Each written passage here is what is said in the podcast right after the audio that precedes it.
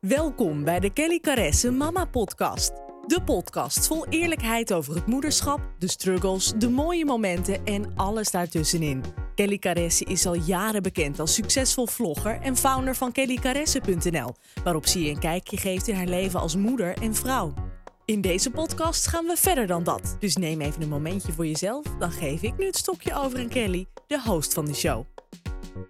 Hey, super leuk dat je luistert naar een nieuwe podcast van Kelly Caresse.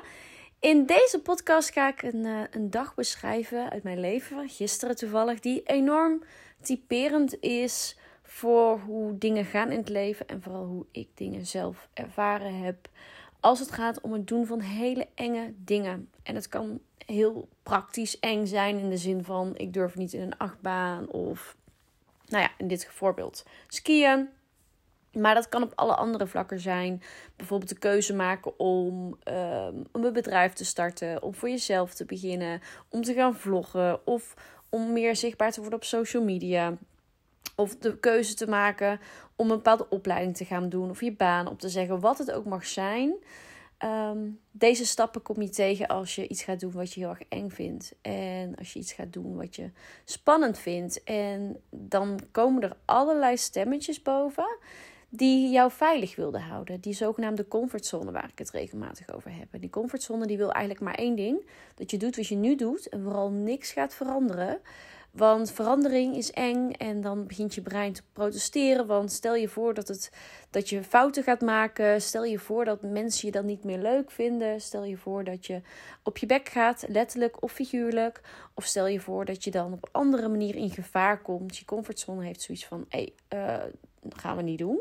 Um, en gaat van alles bedenken om het niet te hoeven doen. En om jou tegen te houden in het investeren in jezelf, in het maken van keuzes voor jezelf. En dat is best wel pittig. En uh, als je niet herkent dat het die stem is vanuit die comfortzone, dan ga je er misschien gewoon in mee. En ga je dus niet die nieuwe stappen maken omdat je ze te eng vindt. Waardoor je ook blijft waar je nu staat. En je huidige, huidige situatie of je huidige realiteit is misschien niet per se waar je heel blij van wordt. Je bent op zoek naar iets nieuws. Daarom had je ook die wens om iets nieuws te gaan doen. Dus dat is best wel pittig. En ik ben daar dus mee geconfronteerd gisteren. En daar ga ik vandaag over vertellen, omdat dit echt een, een heel mooi voorbeeld is van hoe het dus met iets praktisch gaat, maar hoe dus ook gaat op andere gebieden in je leven. En um, daarin ja, vond ik dit wel een heel mooi voorbeeld. Dus het gaat, ik noem nu een voorbeeld wat aan zich niet per se over dit voorbeeld gaat. Oké, lekker vaak verhaal dit, Kel. Maar wat wel enorm uh, doorbraak heeft gezorgd voor mezelf. Waardoor ik mezelf beter heb leren kennen. En, uh, want ik heb ook al best wel wat stappen, spannende stappen gemaakt in mijn leven. Ik heb toen nog tijd de keuze gemaakt om te vloggen, wat ik super eng vond. Meer mijn gezicht, gezicht laten zien op social media. Wat nu voor iedereen de normaalste zaak van de wereld is dat ik dat doe. Hè? Mensen die me volgen vinden dat heel normaal en weten niet beter. Maar geloof me, dat vond ik doodeng. Um, toen de tijd opzeggen van mijn baan. Ik had een vast contract bij mijn baan. Toen de tijd, uh, toen ik voor mezelf ging, vond ik doodeng. Ook allemaal stemmen dat ik het niet moest gaan doen. Want dadelijk uh, ja, uh, loopt het niet meer. Dadelijk heb je geen inkomen meer. Daardoor ga je, um, nou ja, sta je dadelijk bij wijze van spreken op straat met je kindje. Heel overdreven, maar dan komen er allerlei angstige stemmen op. Terwijl je intuïtie en je van binnen eigenlijk wel weet dat het de juiste stap zou zijn. En de stap is naar meer geluk in je leven. En ik kwam daar dus gisteren tegenaan. Um, ik ben dus, zoals jullie weten, begonnen met skiën. Nou, als je mij een beetje kent. Um, en ik roept al, Yannick roept al jaren van wij gaan een keer skiën. Je moet het echt een keer proberen. Want als je het niet probeert, dan weet je het niet. En ik zei nee. Nee, ga ik niet doen. Ik doe heel veel voor je en ik wil heel veel leuke dingen doen. Maar nee, dat gaat me echt te ver. Dat vind ik eng. Ik hou niet van kou. Het is glad. Je kunt vallen. Ik zag mezelf al in zo'n gipsvlucht liggen. Ik, en we zijn een keer gaan skiën. Want ja, ik ben dan... Een relatie is geven en nemen. Dus we zijn samen op skivakantie geweest met mijn schoonzus en de kids. Dat was twee jaar geleden. We hadden net een baby. Tenminste, Feline was een half jaar. Super spannend. We hadden een hele leuke Airbnb geboekt. En ik dacht helemaal leuk. Die mannen gaan lekker snowboarden en skiën. En wij vrouwen zorgen wel voor de kids. En dat is helemaal gezellig. Maar no way dat ik het zelf ga doen.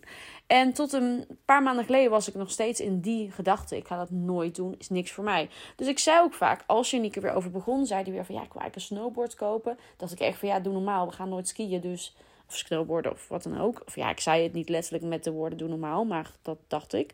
Uh, waarom? Dit is niks voor ons of niks voor mij. Dus ja, je kunt een snowboard kopen, maar die staat dus te stoffen op de zolder. Maar goed, dus ik zei nee. Ik zei ook elke keer als hij dan echt een beetje doordramde van uh, waar probeer het niet toch een keer, zei ik nee, dit is een probleem in onze relatie. Elke keer komt dit weer aan bod.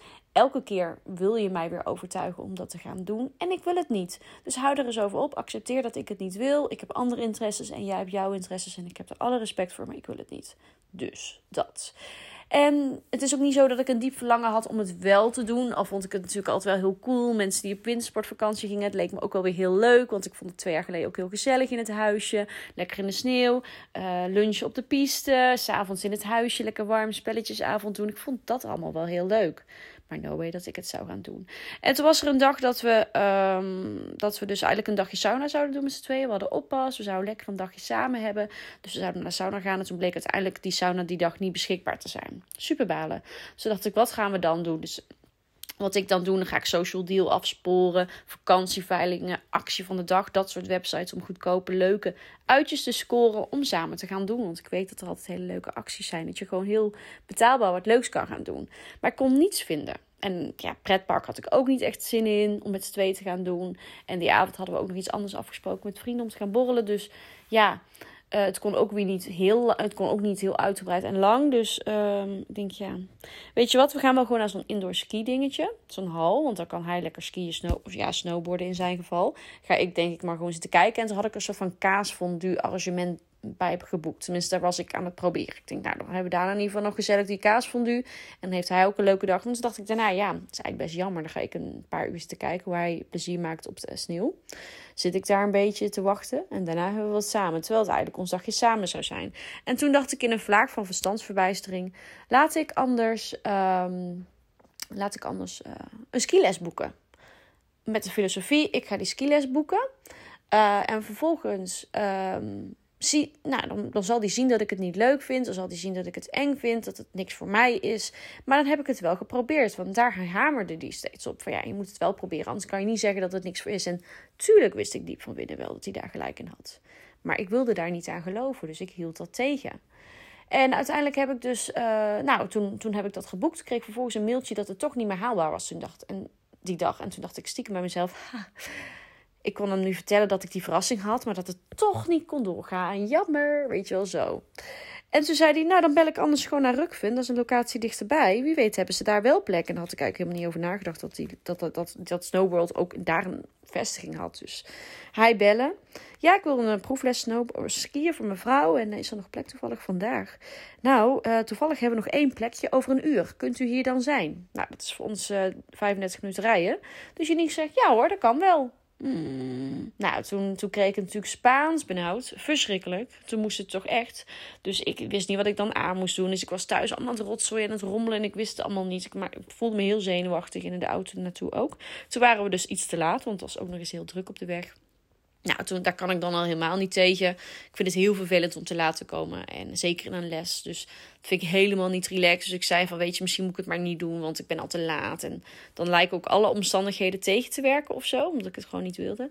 En niet durfde vooral. En uh, nou, toen moest ik daar natuurlijk nog skis gaan passen en, sno en van die schoenen en weet ik het wat allemaal. Dus uiteindelijk kwam ik, nou ja, uiteindelijk viel het best mee. Was ik vijf minuten later die les in en waren ze eigenlijk alleen nog maar bezig met hoe maak je de skis vast. Dus wat dat betreft had ik nog niks gemist, maar ik vond het zo eng. Ik stond op die skis en ik dacht echt, ik hoef maar een beetje te bewegen of ik lig hier dadelijk op de grond. Nou ja, goed. Um, de eerste half uur van die les zat ik echt met, of nou, laten we zeggen, de eerste twintig minuten zat ik echt met een stalen gezicht van vreselijk. Ik vind dit niet leuk. Zie je dat ik het niet leuk vind? En toen kwam de shift en ging het eigenlijk best wel en viel het eigenlijk best wel mee. Waardoor ik uiteindelijk zag die zelfs een glimlach bij mij, uniek. En toen dacht ik, oeh, stiekem best wel leuk. Maar ja, geef dat maar eens toe. Maar toen dacht ik, weet je, ik ga al in, ik geef het gewoon toe. Want um, ja, boeien, ik moet gewoon mezelf kunnen zijn. Dus daarna gingen we nog even een drankje doen. En uh, we hadden wat lekkere après-ski hapjes erbij was heel gezellig. En toen dachten we, weet je wat, dan boeken we nog zo'n uurtje om te freestyle skiën. Dan ga ik een beetje oefenen op die babybaan waar ik op aan het oefenen was. Dan is dat leuk. Nou, dat was heel erg leuk. Uh, waardoor vervolgens heb ik ook nog een privéles geboekt met de kids erbij. Omdat ik gewoon benieuwd was wat de kids ervan zouden vinden. En daarna heb ik dus een cursus gedaan. En uiteindelijk ben ik met, met vlag en wimpel geslagen voor de beginnerscursus. Dus wij dachten, we gaan lekker een dagje naar Botrop. Dat is een soort van indoor skihal in Duitsland. Helemaal groot en cool en leuk. Dus ik denk, ja, vet cool. En um, uiteindelijk kom ik daar aan. En ik wist natuurlijk helemaal niet wat voor piste dat zou zijn. En bij Rukven was ik gewend gewoon eentje omlaag en dan ben je klaar. En dat, dat ging goed. Maar nu was het ineens nieuw. Het was eng. Het was een piste die ik niet kende. Het was veel langer. Er waren allemaal bochten. En ik dacht, oei, oké. Dus ik sta daar weer met bibberende benen. Super zenuwachtig. Ik uh, scheid bijna mijn broek. Ehm, en ik ga naar beneden en... Uh, en nou ja, ik vond het heel erg eng en ik stoorde me aan de mensen om me heen. Die gingen veel te hard. Die zouden mij dadelijk omver skiën. En ik irriteerde me dus aan anderen. Um, en dat is eigenlijk heel erg een teken vanuit mijn comfortzone van Kel, dit is eng, dit durf je niet, dit wil je niet. Laten we hier maar gewoon mee stoppen. Die mensen zijn irritant. En dan ga je eigenlijk de oorzaak van je angst buiten jezelf zoeken. En neem je dus niet verantwoordelijkheid voor het feit dat je zelf die angst moet overwinnen. Nee, het is de schuld van een ander. Want die baan is niet fijn. Want je kent de baan niet. Want deze baan is te hoog gegrepen voor mij. Want de mensen om je heen storen je. En zo zijn er allemaal dingen waardoor je jezelf eigenlijk nog steeds uh, blijft uh, tegenhouden. En daarna moesten we dus in een skilift en die was echt doodeng. Die was echt zes minuten lang sta je daar. Nou, ik dacht, ik ga hier vanaf donderen. En nou ja, er stonden zelfs kinderen op. Dus nu denk ik echt van, waarom was ik zo bang? Maar ik was echt heel bang. En vervolgens kom je dus eindelijk bovenaan. Ik denk, oké, de lift hebben we overleefd. En zie ik dus letterlijk de persoon voor me op ski staan. En ik zie, ik zie die persoon omhoog gaan. En vervolgens omlaag. En daarna zie ik die persoon niet meer. Oftewel, die moet gewoon echt een flink afdaling gemaakt hebben. Want anders zag ik die persoon natuurlijk nog wel. En ik dacht echt, wat de hel, wat moet ik doen? Wat moet ik doen? Uniek, wat moet ik doen? Ik heb twee seconden en ik moet nu beslissen hoe ik hier naar beneden. En ik donder zo omlaag. Echt best wel een steile helling. Wat ik natuurlijk helemaal niet kon. Voor mijn gevoel was de buisspreek een soort zwarte piste. ik maakte het heel groot en eng voor mezelf. Waar ik dus vanaf moest. En ik dacht, oké, dit hebben we overleefd. Mijn hart ging echt, zoals dat in mijn keel. Zo hard dat hij ging. En ik dacht, oké, dit is niks voor mij, Uniek. Ik vind het niet leuk. Ik ga wel gewoon oefenen bij die babybaan. Weet je, dit is het niet. En ik was bang. En Janiek heeft dus echt extreem veel geduld. Dat is zo fijn. Dat is ook met de meiden. En hij wordt niet boos. En hij, hij zal totaal niet zeggen van... Ja, maar we hebben dit vandaag geboekt. Uh, nee, hij zei... Oh, dat is helemaal goed. Helemaal prima. Dan ga jij daar gewoon een beetje oefenen. Laten we anders eerst even... Om bij te komen even lekker uh, wat drinken. Uh, even gewoon bijkomen. Lekker warme chocomel of, of theetje. En dan gaan we weer verder. Nou, goed, dat gedaan.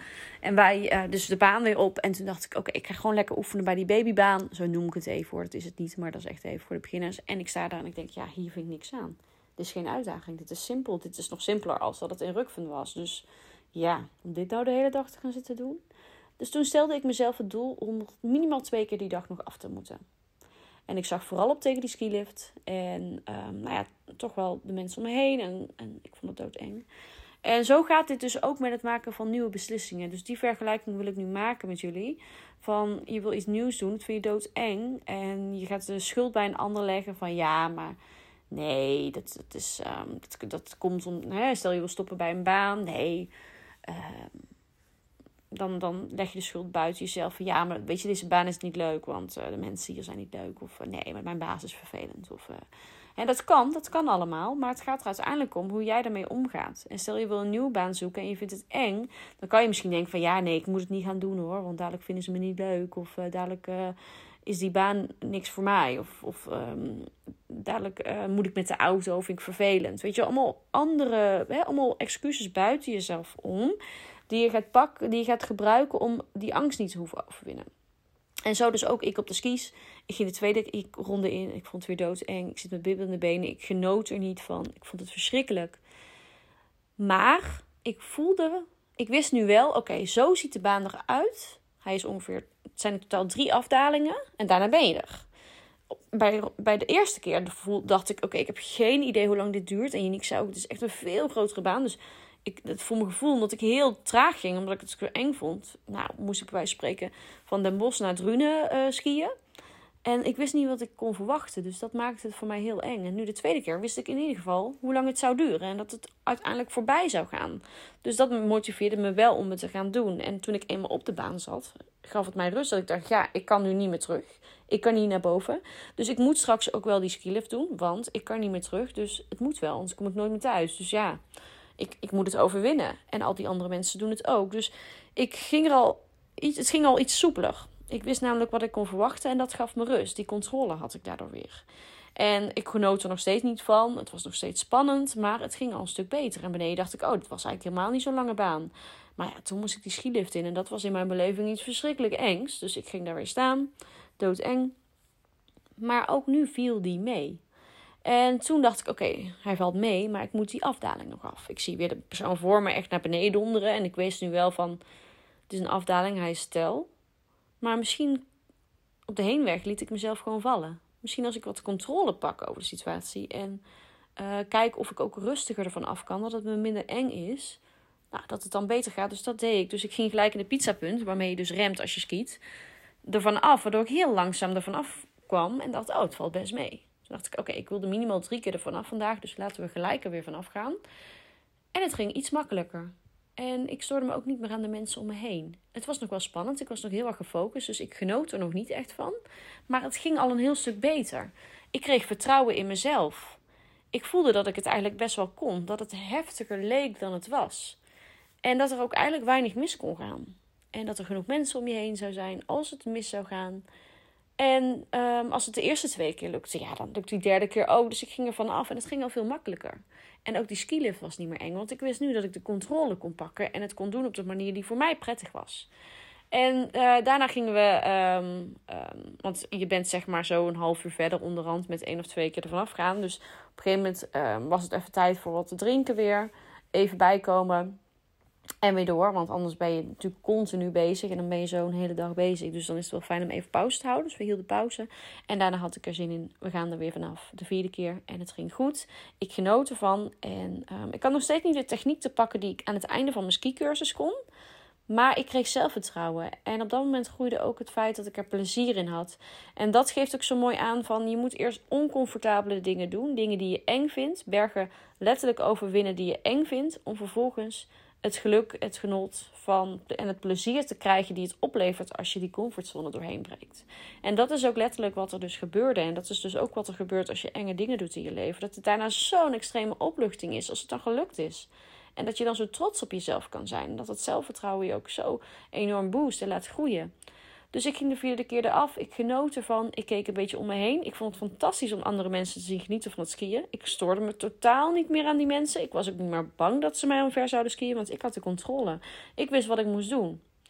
En zo ging ik dus de berg af en had ik plezier. En de vijfde keer was het plezier nog veel groter.